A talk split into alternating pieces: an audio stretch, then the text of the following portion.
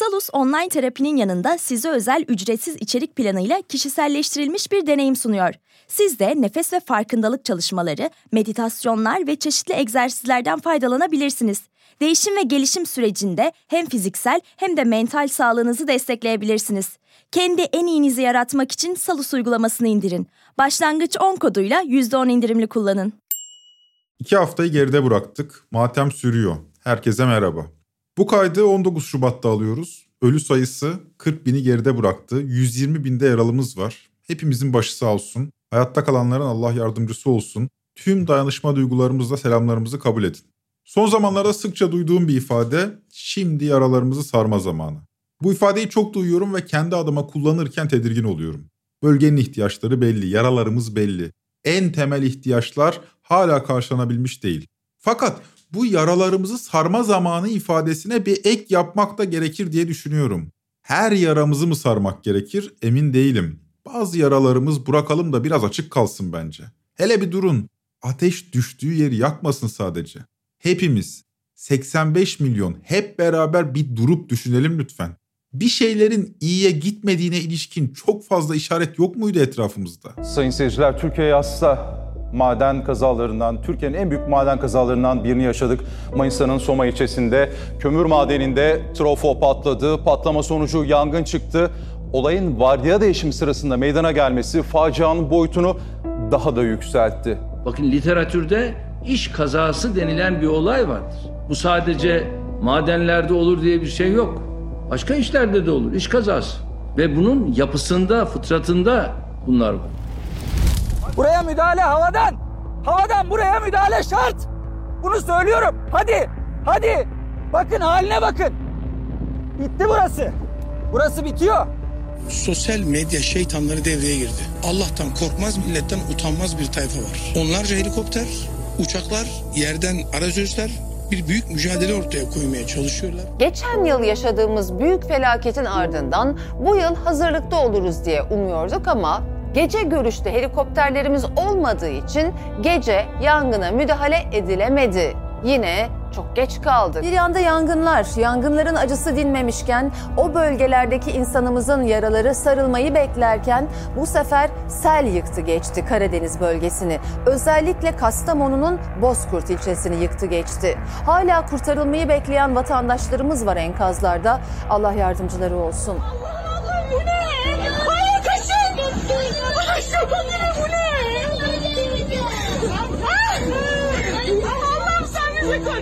Örnekleri çoğaltmak mümkün ama biraz önceki sorumu tekrar edeyim. Bir şeylerin iyiye gitmediğine ilişkin gerçekten çok fazla işaret yok muydu zaten? Yani daha 6 Şubat'a gelmeden bu devletin idaresini elinde tutanlar zaten yeterince çuvallamamış mıydı? Fakat politik fanatizm gözümüzü kör etmişti. Göremedik. Önlenebilirdi, biz önleyemedik. Yapamadık, beceremedik. On binlerimizi soğuk betona bıraktık. Bizi yönetenler lüzumundan daha fazla vurdum duymazmış bu konuda. Ne olacak canım denmiş. Olur öyle arada denmiş. Bazı görevler savsaklanmış. Depreme dayanıklı kentler inşa etmek gibi uzun vadeli hedefler belirlenmemiş. Günü kurtarmışlar. Politik itiş kakış içinde yıllarımız geçmiş. Halbuki 6 Şubat saat 4.17'de sallanıp daha sonra Instagram'a düşen görüntüleri izleyebilirdik. Tek bir tane görevimiz vardı, tek bir tane. Kendi deprem gerçeğimize uygun kentler inşa etmek. Bu ülke deprem ülkesidir. Herhangi bir yerde, herhangi bir zamanda binlerce insanımızı bir gecede gömebiliriz. Bu deprem mekanizması 13 milyon sene önce oluştu. Bu coğrafyanın, dünyanın işleyiş mekanizması milyonlarca senede devam edecek. E biz nesil olarak, Türkler olarak eğer burada ırkımızı devam ettireceksek ebediyen bu ülkelere sahip çıkacaksak bu topraklara depremi de yenemeyeceğimize göre, durduramayacağımıza göre yapacağımız tek şey var ya. O kadar komplike değil. Deprem dirençli yerleşim alanlarını yapmak. Bunu da yapmak o kadar kolay ki ya. Fakat belli ki bunu yapamadık, yapmadık. Önümüzdeki günlerde neden yapamadığımızı sorgulayacağız. Ama ortada duran gerçeği bir dile getirelim sonuçları önlenebilir bir doğa olayının yüzyılın felaketine dönüşmesine seyirci kalındı. Yıllarca devletin tüm imkanları ellerinin altında olanlar belki de oy getirmiyor diye kaynakları bu işe yönlendirmedi. Bu sorumsuz, Bu vurdum duymaz tavrın sahipleri ise henüz herhangi bir öz eleştiride bulunmuş değil. Kuyrukları dimdik. Bu bölümün konusu da bu olacak. Bunca rezaletin ardından o kuyruk nasıl dik tutulabiliyor? İstem etmiyorum nasıl olur ya diye serzenişte bulunmuyorum. Sorumun dayanağı şu. Bu kuyruğu dik tutarken nasıl bir argümanları var? Herhangi birimiz o koltuklardan birinde otursa insan içine çıkamayız ama bunlar nasıl beceriyorlar bu işi? Bunca fiyaskoya rağmen bizleri nasıl ikna ediyorlar da sanki bir devleti yönetebilecek kabiliyette zannediyoruz onları? Hangi yöntemi kullanıyorlar? Nasıl manipüle ediyorlar zihnimizi? Bu konuyu konuşurken bu konuda oldukça başarılı bir politikacıyı Süleyman Soylu'yu da masaya yatıracağız. Girişi uzattık farkındayım. Ben Ozan Gündoğdu. Hazırsanız başlayalım. Devlet bir bütündür, bölünemez, parçalanmaz ama hükümet değişebilir. Gelip geçicidir diyorsunuz. Devlet bakidir. Bakidir. Devlet bir milleti yönetir, hükümet de devleti yönetir. Aynı şeydir aslında. Devlet bakidir, hükümet geçicidir. Hükümet evet. sandıkta değişir, devlet, devlet baki kalır. Devlet tüm toplumun yaşadığı ülkemiz ama hükümet onları yönetenler. Arasındaki fark bu. Abi hükümet geçicidir, devlet kalıcı. Çünkü bunu Atatürk'ün bir sözü var meşhur. Benim nacizane vücudum elbet bir gün toprak olacaktır ama Türkiye Cumhuriyeti ilelebet payidar kalacaktır. Yani bu söz ta bugünlere kadar ulaşmış, etkinliğini kaybetmeyen bir söz olarak düşünüyorum. Son zamanlarda herhalde sıkça duyduğumuz bir ifadedir. Devlet ayrı, hükümet ayrı derler. Elbette kelime anlamları ayrı ama bu ifadeyi kullananlar konunun farklı bir noktasını vurguluyorlar. Gördüğüm kadarıyla bu devlet ayrı hükümet ayrı ifadesine bir duygu yükleniyor. Devlete bir kutsiyet atfediliyor. Bir tür mistik bir güç olarak yorumlanıyor devlet. Bir ruh gibi. Ölümsüz ve kutsal. Hükümetse bir vücut gibi. Ölümlü ve dünyevi. Bu noktada devlet halkının emrinde bir güç odağı olmaktan çıkıyor, milletin hamiliğini üstlenen bir tür tanrıya dönüşüyor. Her yerde olan, olmasa da olan, size şah damarı kadar yakın olan bir tür tanrı. Böylece devlet uhrevileşiyor, dünyamızdan kopuyor, uhrevileşiyor. Nerede bu devlet diyenler de bir tür ateist, bir tür müşrik gibi kavranıyor. Deprem bölgesinde her şey var. Sadece devlet yok diyen kanı bozuklar size söylüyorum. Devlet baktığınız ve bastığınız her yerde tüm heybetiyle, tüm hassasiyetiyle, tüm hükümranlığıyla havidir, hakimdir ve adimdir. O halde eleştirimizin sınırlarını hükümetle sınırlı tutmalı, devlete dokunmamalıyız. Çünkü devlet kutsal. Böyle deniyor ve bu söylem oldukça hegemonik. Fakat bu hegemonik söylem Türkiye gerçekliğiyle bir araya geldiğinde farklı bir fotoğrafla karşılaşıyoruz. 20 yıllık iktidar devlet kurumlarının tümünü kendi ideolojisi etrafında yeniden organize etmiş durumda. Siyaset literatüründe Kemalist kurumlar olarak geçen tüm devlet organizasyonu tasfiye edilmişken devlet denilen nesnenin hangi tarihsel referansa dayandığı da büyük bir soru işaretine dönüşüyor. Devletin nerede başladığı, hükümetin nerede bittiği belirsizleşiyor. Bu noktada AKP bir kurucu iktidar adayı olarak kodluyor kendisini. Bu kodlar eski Türkiye yeni Türkiye ifadesinde de vücut buluyor. Eski Türkiye'yi kuran belli. Biz de yeni Türkiye'nin kurucularıyız. Biz 15 Temmuz'da çok büyük bir şey başardık. Bakın bu halk bir devrim yaptı. Bütün bu dışarıdan müdahale etme imkanları olan bürokratik oligarşi yerle yeksan etti. Vesayet sistemini bitirdi. Şimdi biz yeni bir devlet kuruyoruz. Bakın beğenin beğenmeyin. Bu yeni devletin kurucu lideri Tayyip Erdoğan'dır. Özellikle 15 Temmuz'dan sonra bu lafların sıkça edildiğini gözlüyoruz. Bu sözlerin sahibi Ayhan Oğan da halen AKP Merkez Karar Yürütme Kurulu üyesi. Bu noktada kendisini yeni bir kurucu iktidar olarak gören bir yapıyla karşı karşıyayız her kurucu iktidar gibi devlet mekanizmasına özdeş hale geliyorlar. Kendilerini öyle görüyorlar. Takipçilerine de böyle olması gerektiğini dikte ediyorlar. Böylece iktidar temsilcilerine dönük demokratik eleştiriler, iktidarın kitle tabanı tarafından ihanet etmek, fitne yaymak olarak görülüyor. Zira bir kutsalı yani devleti eleştiriyorsunuz. Hatta yer yer devlet millet millete devlettir diyerek eleştiriler milletin birliğine kastetmek anlamına gelebiliyor. Bu tanımlamayı kabul ettiğiniz, makul bulduğunuz anda siyasal iktidarın kurduğu oyunun bir parçası oluyorsunuz. Devletin dünyevileşmesi, uhrevilikten arındırılması bu nedenle hayati önemde. Fakat muhalif kamuoyu bu hayatiliği kavramış değil. Muhalif kamuoyu da çünkü çırpınıyor. Devlet ayrı, hükümet ayrı diyorlar. Biraz da çaresizce savunmada kalarak aman aman devlete bir laf ettiğimiz yok, devlet kutsaldır, bizim lafımız hükümete yani dünyevi olana diyorlar. Böylece onlar da aslında devletin uhrevi olduğunu kabul ediyor ve aslında iktidarın tuzağına düşüyor. Aslında bir biçimiyle sizin çerçevenizi tanıyoruz demiş oluyorlar yani. Böylece iktidarın arzu ettiği çerçevenin içine düşülüyor ve kutsal devlet alegorisi iktidar temsilcilerinin bir tür çelik yeleğine dönüşüyor. Kurşun geçirmez bir çelik yelek. Bu çelik yeleği de en sık kullanan siyaset adamı Süleyman Soylu. Biz devletiz. Biz devletiz. Biz devlet olarak suçluların peşindeyiz. Suçluların iftirasını, suçların yalanlarını ve suçların ortaya koyduğu dedikoduları şu gazi meclisin çatısı altına getirdiniz. Devleti töhmet altında bıraktınız. Devlete iftira ettiniz. Burada bu milletin evladı olarak söylüyorum. Vallahi size devlete iftira ettirmem. Billahi size devlete iftira ettirmem. Böylece tanrılaştırılmış, dünyadan koparılmış, uhrevi bir anlam kazanmış bir devlet ve o devleti müdafaa ettiğini söyleyen bir İçişleri Bakanı ile karşılaşıyoruz. Böylece bu İçişleri Bakanı'na gündelik politik endişeler atfetmiyoruz. Böyle endişeleri yakıştırmıyoruz. Halbuki tam tersi. Gündelik politik endişelerle dolu bir zihin Süleyman Soylu'nun zihni.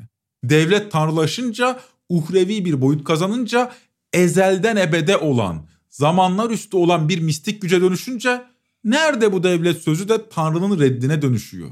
Müşrikleşiyorsunuz, reddeden oluyorsunuz. Devlet Bahçeli'nin ifadesiyle devlet havidir. Yani her şeyi kapsayandır. Hakimdir. Yani hükmetme kudretine sahiptir. Bunlar semavi dinler için aynı zamanda Tanrı'nın da sıfatları bu arada. Dikkatinizi çekerim. Bu adam zaten başkan. Daha Allah olmak mı istiyor? Allah olmak isterse toplanak Allah diye. Tabii devletin tanrılaşması halinde vatandaş ne oluyor? Küçüldükçe küçülüyor, un ufak oluyor. Hakları, hürriyetleri olan bir birey değil, ödevleri ve sorumlulukları olan bir nesneye dönüşüyor. Devleti yönetenler onu sevdiği için onun hakları var. Sevmeseler çok daha korkunç olabilir. Devletin uhreviliğine iman ise bu ödev ve sorumlulukların başında geliyor. Bu yüzden muhalif kamuoyu hükümeti eleştiriyorum, devleti değil diyerek vurgulamak zorunda kalıyor dediklerini. Yani devlete iman şartını yerine getiriyorlar. Hal böyle olunca nerede bu devlet feryadı? Vatandaşı tedirgin ediyor. Tutuklarlarsa tutuklasınlar diyor devlete feryat edince. Halbuki suç değil ki dedikleri. Açtım arabanın içinde vali yok sadece gösteriş yapıyor. Gelsinler tutuklasınlar. Devlet vatandaştan korkuyorsa demokrasi, vatandaş devletten korkuyorsa tiranlık vardır demiş Benjamin Franklin. Bizde çok açık ki uhrevi bir boyutu da olan devletten korkmak gerekir. Allah'tan korkmak Müslümanın vazifesi ise devletten korkmak da vatandaşın vazifesidir. Uhrevi boyut kazanan, havi ve hakim olan devlet korkutucudur. Hakimi korkutur, vatandaşı değil, hainleri korkutur. Her anda hain olabilirsiniz. Onu reddederseniz hain olursunuz. Ona biat edene, uhreviliğini tanıyana da hadimdir. Yani yardımcıdır. Dolayısıyla devletin etrafında toplanmak, mevcut iktidarın yanı başında yer almak sıradan vatandaşın görevidir. Aksi durum bir tür hainliktir. Hainlere de korku salmak gerekir. Dolayısıyla insan dediğiniz şey haşmetli, ulu, görkemli bir mekanizmaya karşı görevlerini yerine getirmekle sorumludur. Bu görev esnasında isyana yeltenmemeli, çektiği çile karşısında şikayet etmemelidir. Fakat bunu çile çeken insanlara yutturmak zor tabii. İnsanlar bu tezgahı nasıl yutsunlar? Neden yutsunlar? Hale bakın. Çile çekiyorsunuz ama size çile çektiren sorumlulara tek bir laf edemiyorsunuz. İşte bu noktada ideoloji devreye giriyor. İdeoloji. Devletin havi, hakim ve hadim olduğunu halka kabul ettirecek bir ideoloji. Ve bu ideolojiyi halka dayatacak aygıtlar.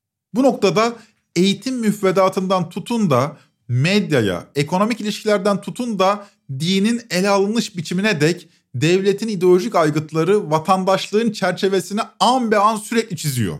Sıradan halk kesimleri ise bu cendereden kolay kolay kurtulamıyor. Halkımızın zihni esir alınmış gibi. Kurtulması kolay değil.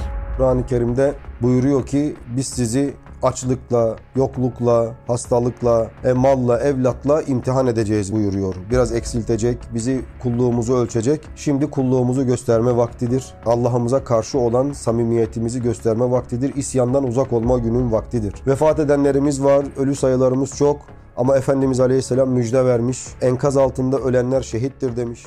Dolayısıyla devletin kendisi uhrevi bir boyut kazanmakla birlikte İslam'dan gayrı da değil, İslam'ın içinden kavranıyor. Bu noktada politik bir manevra devreye giriyor. Vatandaşlık görevi olarak hukuka riayet değil, Müslümanlık görevi olarak devlete biat. Bakın tekrar ediyorum. Vatandaşlık görevi olarak hukuka riayet değil, Müslümanlık görevi olarak devlete biat. Ne farkı var? Birinde dünyevi hukuk kuralları, diğerinde ise cari döneme uyarlanmış din kuralları belirliyor ilişkiyi.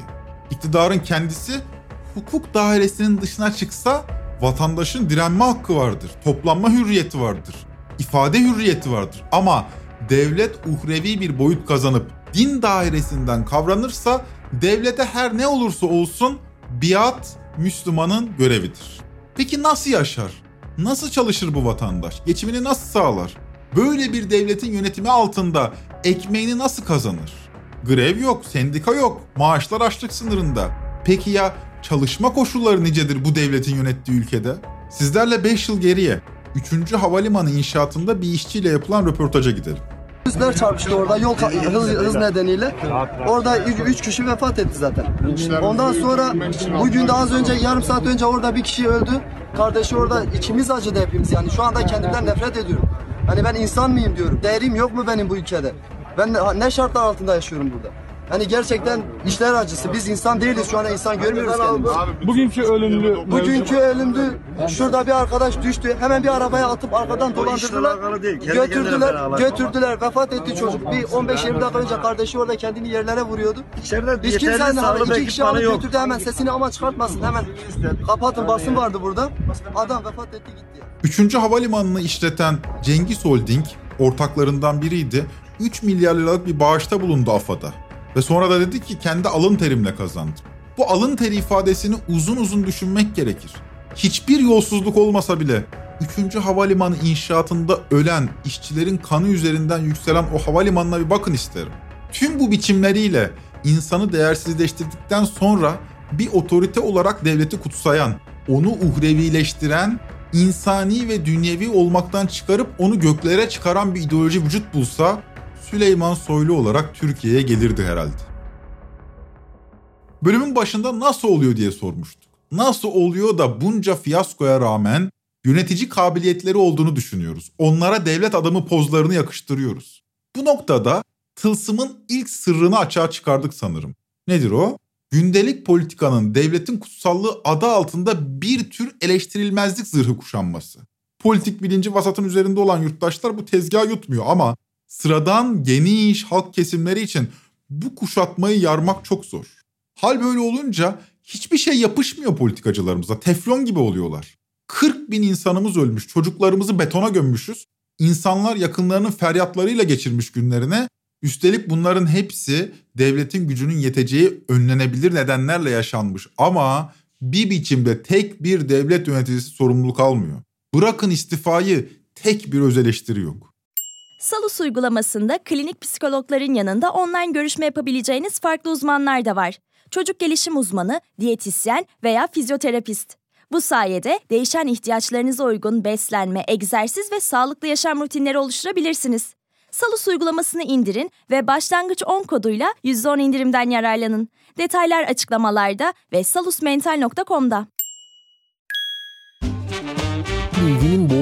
ulaşılabilirliği bizi her şeyi bilmek ile hiçbir şeyi umursamamak arasında zorlu tercihlere itiyor. Podbi ile birlikte hazırladığımız haddini aşan yaşam rehberi bir şeyler öğretme iddiasında değil. Hayata sorular yöneltmenin, öğrendiklerini aktarmanın, bilmediklerini ise bilenlere sormanın peşinde.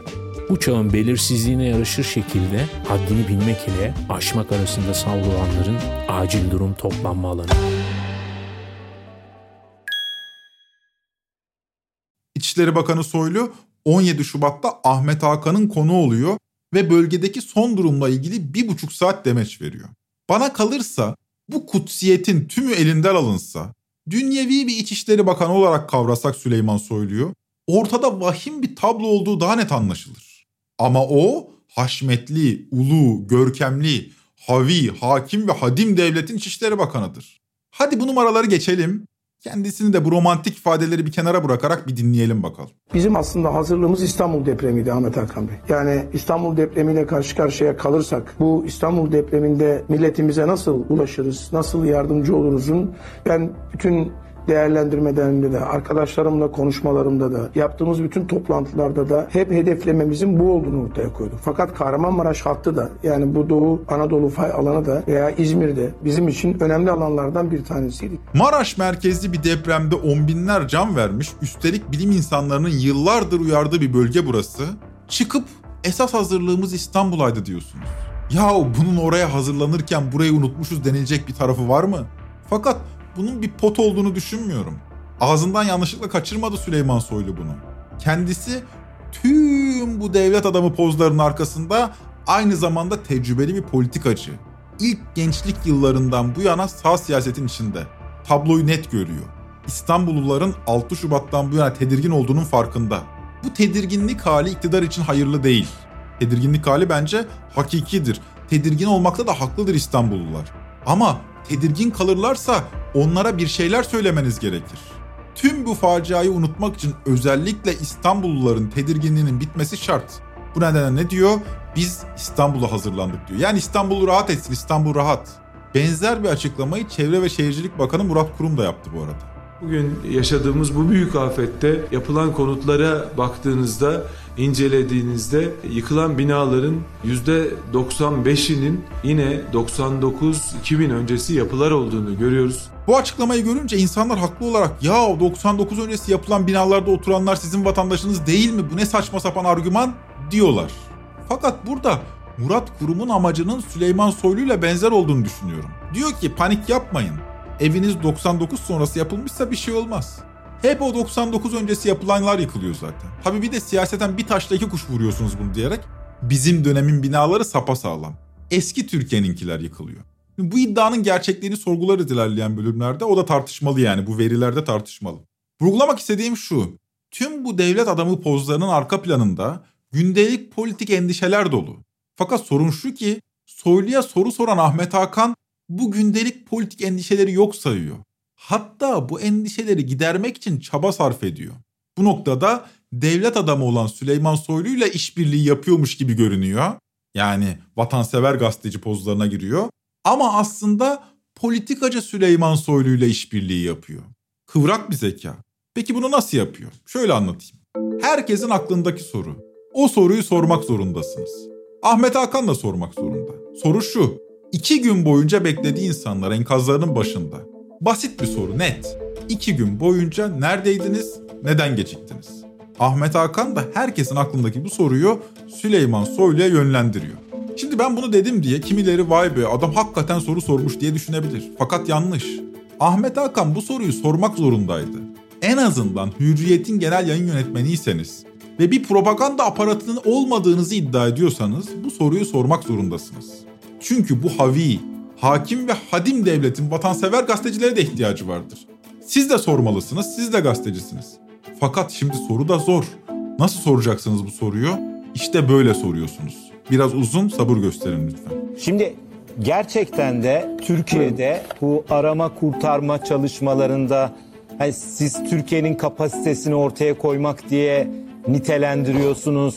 Son afetlerde çok yoğun çabalar sarf edildi. Yani siz mesela ben sizi hatırlıyorum. Ne zaman bir afet felaketiyle karşılaşsak ilk giden siz oluyorsunuz ve orada sonuna kadar kalıyorsunuz. Yani Elazığ depreminde hatırlıyorum. Gittiniz orayı hiç bırakmadınız, kaldınız. Şimdi anlatıyorsunuz diyorsunuz ki ben ilk saatte depremi haber aldım. Cumhurbaşkanına hemen bilgiyi verdim. Hemen toparlanıp bölgeye gittim diyorsunuz ve bir büyük şeyden de bahsediyorsunuz. Yani bir kapasiteden de bahsediyorsunuz. Fakat sahada ilk gün özellikle ilk iki gün bu kapasite tam olarak yansımadı. En azından bizim izlenimlerimize göre. Neden yansımadı? Neden iki gün geciktiniz? İki gün neredeydiniz? Şimdi böyle bir sorunun normali temsil ettiği bir medya düzeninde Sayın Soylu neden iki gün geciktiniz diye kısa ve net bir soru sormak muhalif gazetecilik oluyor. Yani Ahmet Hakan'ınki normalleşirse eğer makul olan anormal oluyor. Halbuki ortada makul ve makul olmayan diye iki seçenek var. Makul olana muhalif gazetecilik demek doğru mu emin değilim. Makul olanı yapıyor zaten insanlar. Soru soruyorlar. Yıkama yağlama işi bunlarınki. Peki Soylu ne diyor? Şöyle bir kapasite anında harekete geçirildi. Bu hazırladığımız kapasite jandarmasından polisine kadar, Türk Silahlı Kuvvetlerinden DSİ'sine kadar, karayollarına kadar, gönüllerine kadar, bütün arama kurtarma ekiplerimize kadar yetmedi, uluslararası sisteme kadar.